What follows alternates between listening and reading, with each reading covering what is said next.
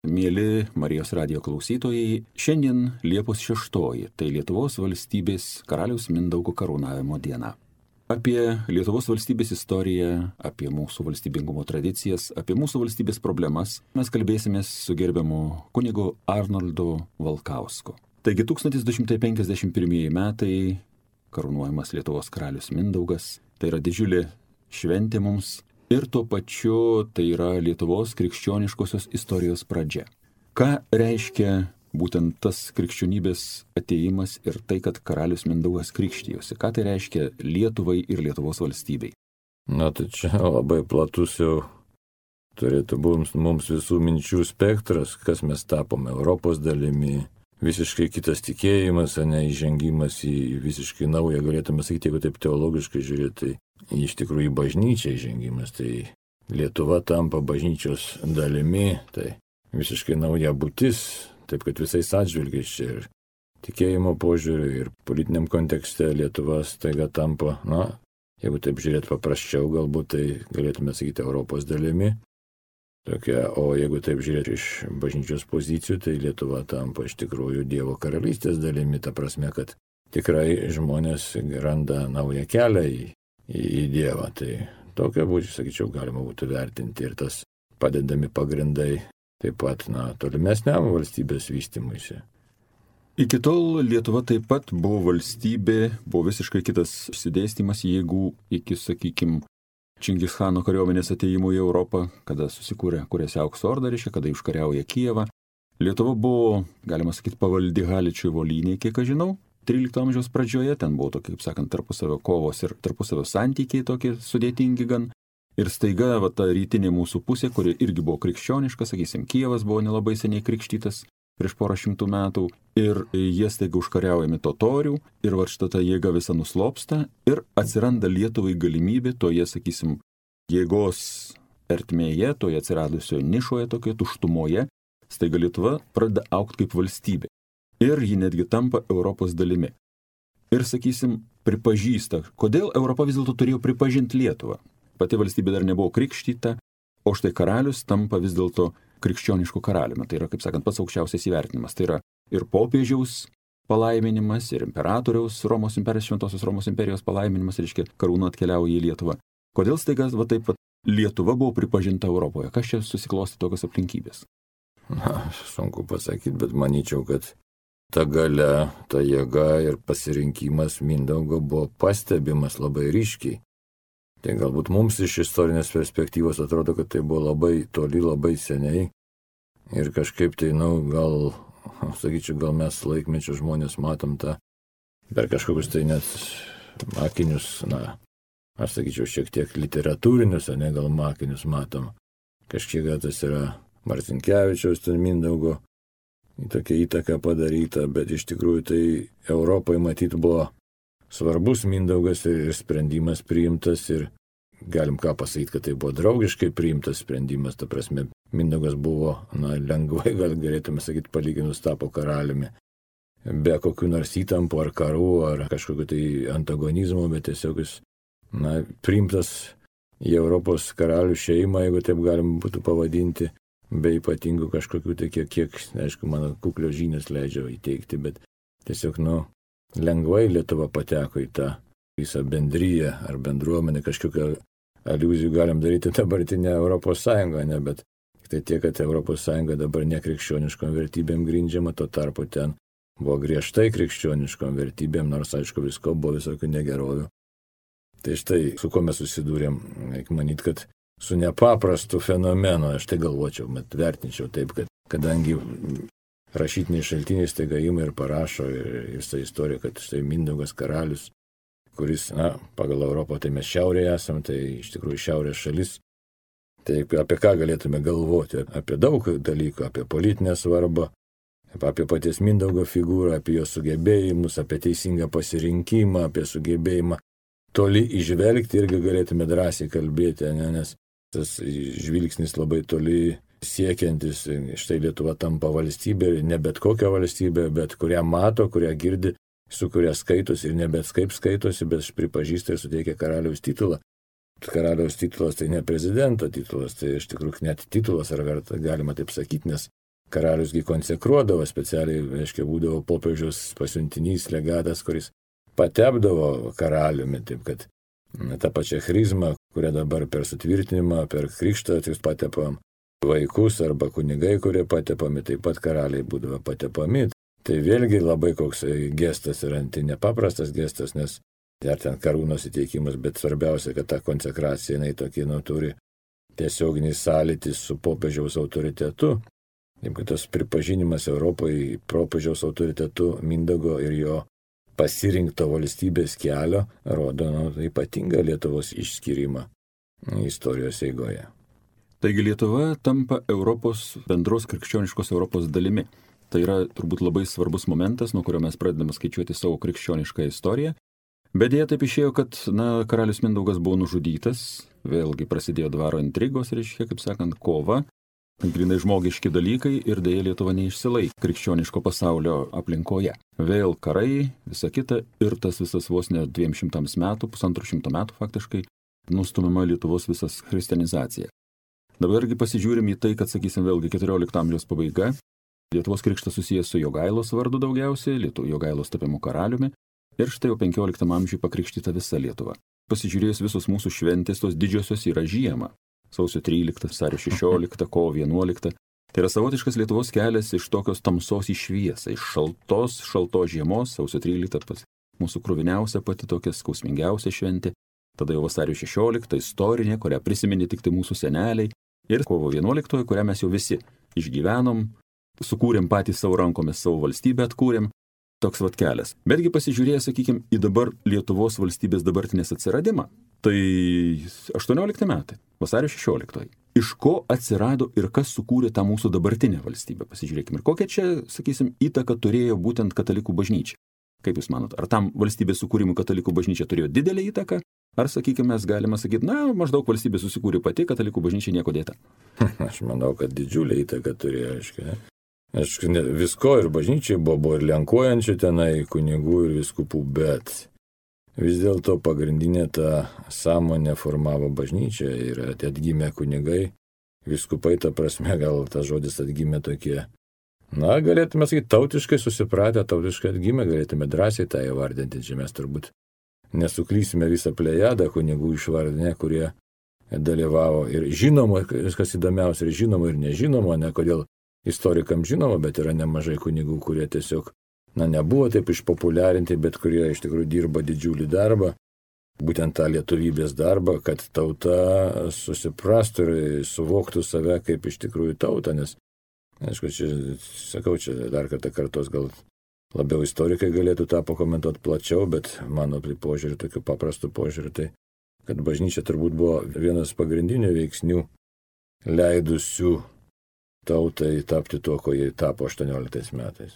Pabandykime žmonės, kurie dėjo pagrindus mūsų, sakysim, sąmoniai, mūsų valstybės suvokimui, nes, kaip sakoma, jeigu milijonas žmonių nori turėti savo valstybę, tai jie ją turės, galima nebent juos fiziškai sunaikinti. Ir štai kas formavo tą mūsų troškimą turėti savo valstybę.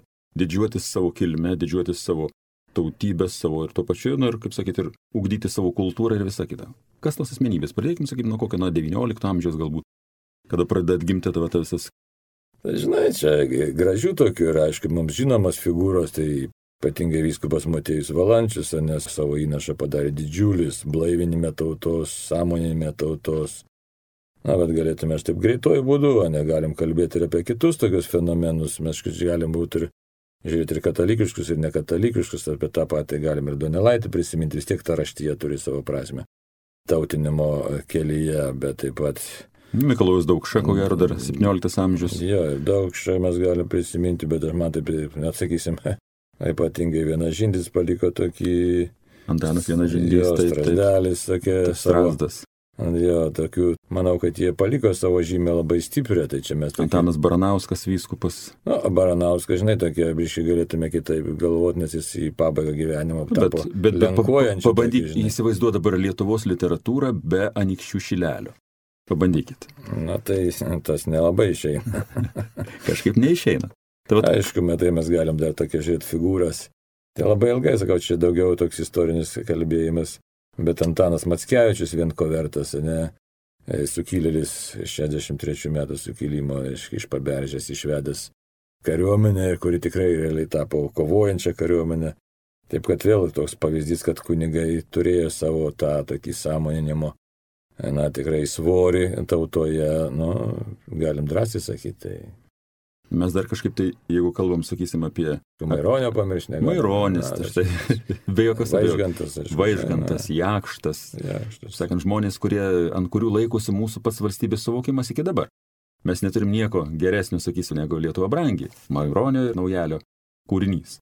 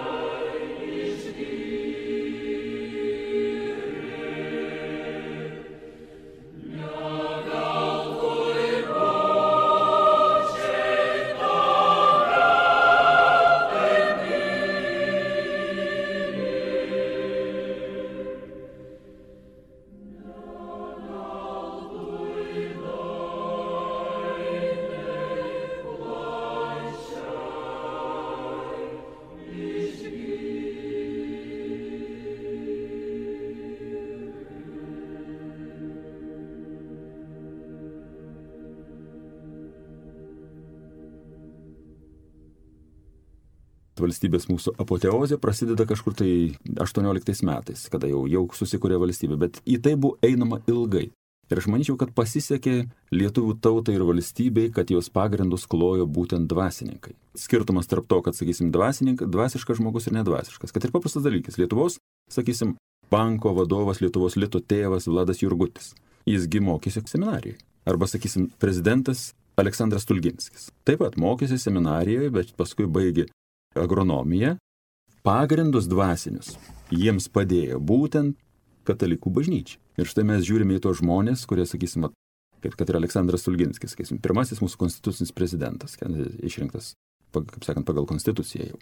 Tai va, tai tai žmogus, kuris buvo labai įdomus, reiškia, žmogus, kuris buvo paprastas iš valstiečių kilęs, reiškia, studijavo seminarijoje, po to baigė agronomiją, po to buvo prezidentas, dalino dvarus, davė žmonėms galimybę apsigyventi, daug kas jį už tai kritikavo, reiškia, už tai, kad, kad tais laikais buvo dalinama žemė, sakykime.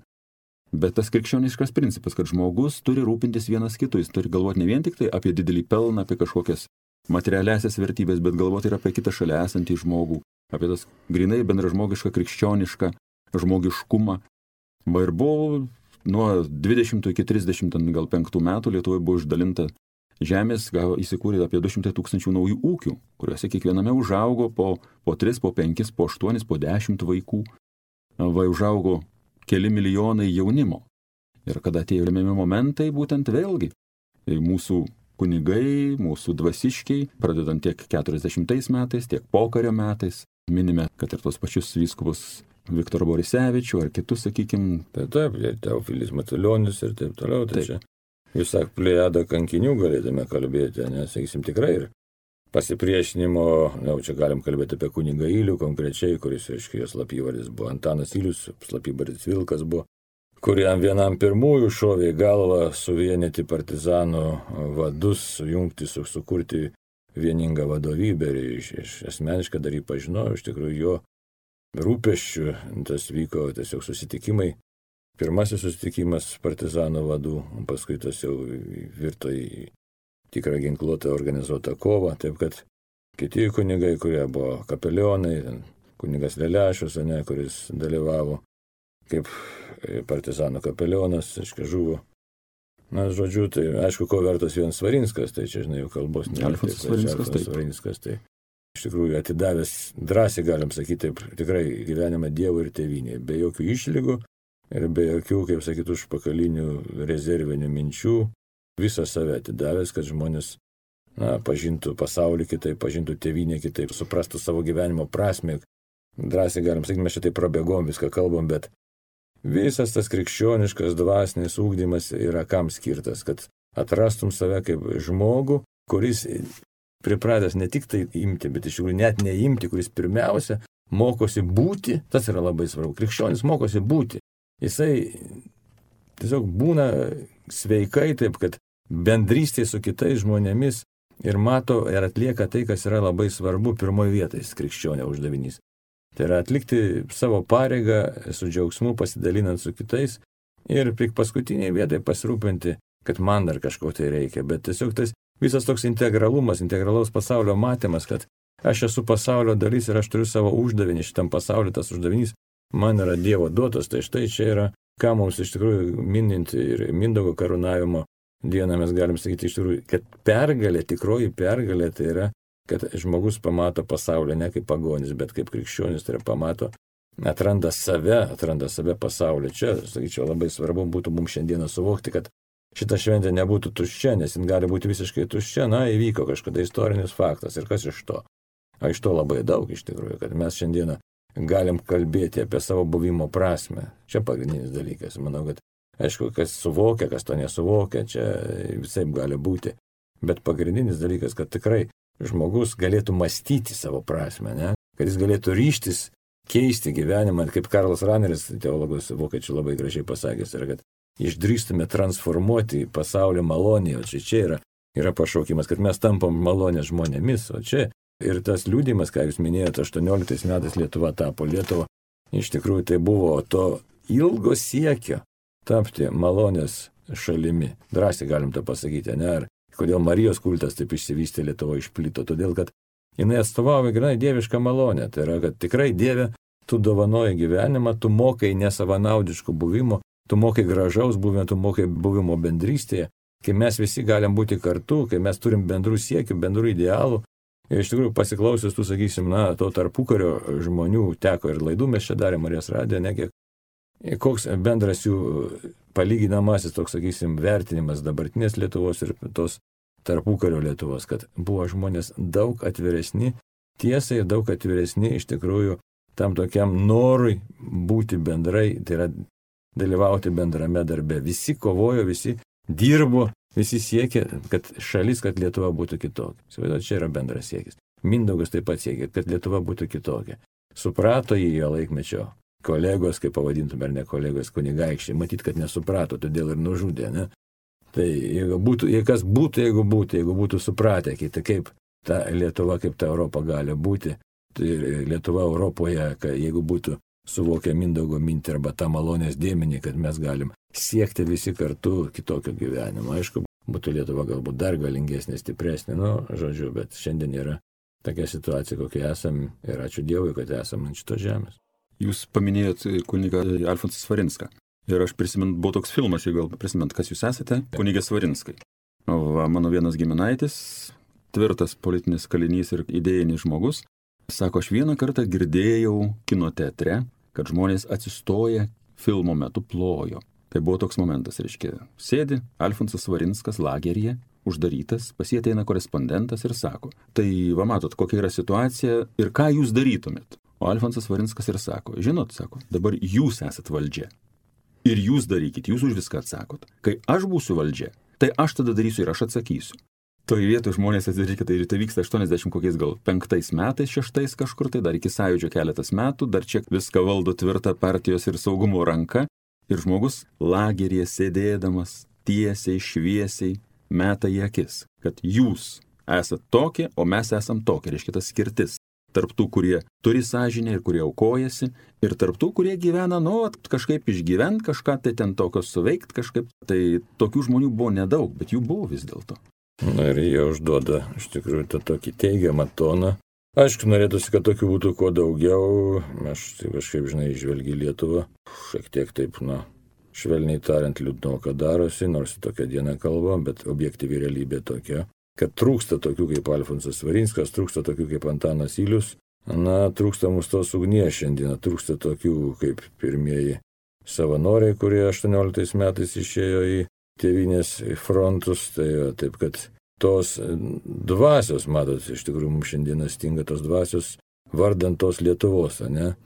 O gal trūksta kažkokio supratimo ir noro ne vien tik tai, kaip sakė Kudirka, ne vien tik tai to trupinio aukso ir gardaus valgio šaukšto. Iš tikrųjų, tai toks skurdas, iš tikrųjų kalbėkime apie dvasinį skurdą, nors materialinis dėjoja čia Lietuvoje, aišku, bet ne visi dėjoja, tai taip kad čia, na, Kol kas mes tos tokios šviesios Lietuvos negalim pasakyti, kad tikrai labai šviesi, nes yra tos neteisybės, yra kur tobulėti tikrai, yra kur ypatingai dvasiškai tobulėti, tai ką belieka tik palinkėti mūsų pačių tėviniai, palinkėti bažnyčiai, kad kuo daugiau įsipareigotų ar tiesiog išdrįstų kelti tautą ir kad tauta, na, kiltų. Vis dėlto tas toks idealizmo lėkštelė kur kas lengvesnė negu tai realaus tokio materialistinio požiūrio į gyvenimą visoje tautoje. Kokios vertybės, vertybės labai primityvios, na, žodžiu, kol kas tai mes negalim pasigirti tokia tautos vienybės pergalės, nes jos nematoma. Net šiandieną, žinai, tokia šiandieną mes gal per daug nedėjokim, tik tai išreikšti norą reikėtų, kad vis dėlto ta Lietuva kiltų, kad atsirastų žmonių, kurie patys kyla ir kitus kelia. Čia yra svarbiausia. Aš manau, kad klausimas labai paprastas. Paskui ką, paskui kurį asmenį mes šiandien norėtume sekti. Jeigu tai paklausiu žmonių, ar yra toks asmo, kuris mūsų uždegtų. Ko gero taip, vis dėlto dabar kokios tos mūsų idėjos. Ir šitoje vietoje aš manau, kad Marijos radijo funkcija ir misija yra labai svarbi. Kadangi tai yra ir žmogiškumo, tai yra tikėjimo, tai yra mūsų ėjimo į tą, sakykime, jam žinai gyvenimą kelias. Galime savo gyvenime turėti didžiausius turtus, galim turėti didžiausią valdžią, galim turėti didžiausius malonumus, bet nieko į amžinai gyvenimo nenusinešim. Taip, daug Dievo, kad kad mes visi visą tautą tą suprastume. Aš tai tikiu, kad Lietuva turi atgimti. Aišku, buvo karai, buvo marai, buvo visokie ten suirutės, trėmimai. Na ir dabar toks, aišku, skaudus periodas vis dėlto, nes tiek netekti žmonių, kurie gali kažką kurti, daryti, tai yra, na, mums didelis praradimas. Bet kita vertus, negalima nuleisti rankų, nusivilti ir ašaroti, bet reikia kažką daryti, kad mes vėl atgimtume ir eitume į priekį kaip Dievo vaikai. Kaip tie, kurie iš tikrųjų, per kuriuos veikia Dievo malonė, kurie yra pajėgus perkeisti šitą mūsų visą situaciją, perkeisti pasaulį. Turbūt to ir palinkėkime mūsų Marijos radio klausytojams šios gražios valstybės dienos progą, kad kiltume, stiprėtume dvasia ir manau, kad ir Marijos radijas kiekvieną dieną tarnaus mūsų žmonėms. Taigi duok Dieve mums visiems išminties, drąsos, kad tikrai galėtume drąsiai savo gyvenimo pasitarnauti ir Dievui, bažnyčiai ir tėviniai. Dėkojame už prasmingas mintis gerbiamam kunigui Arnoldui Valkauskui.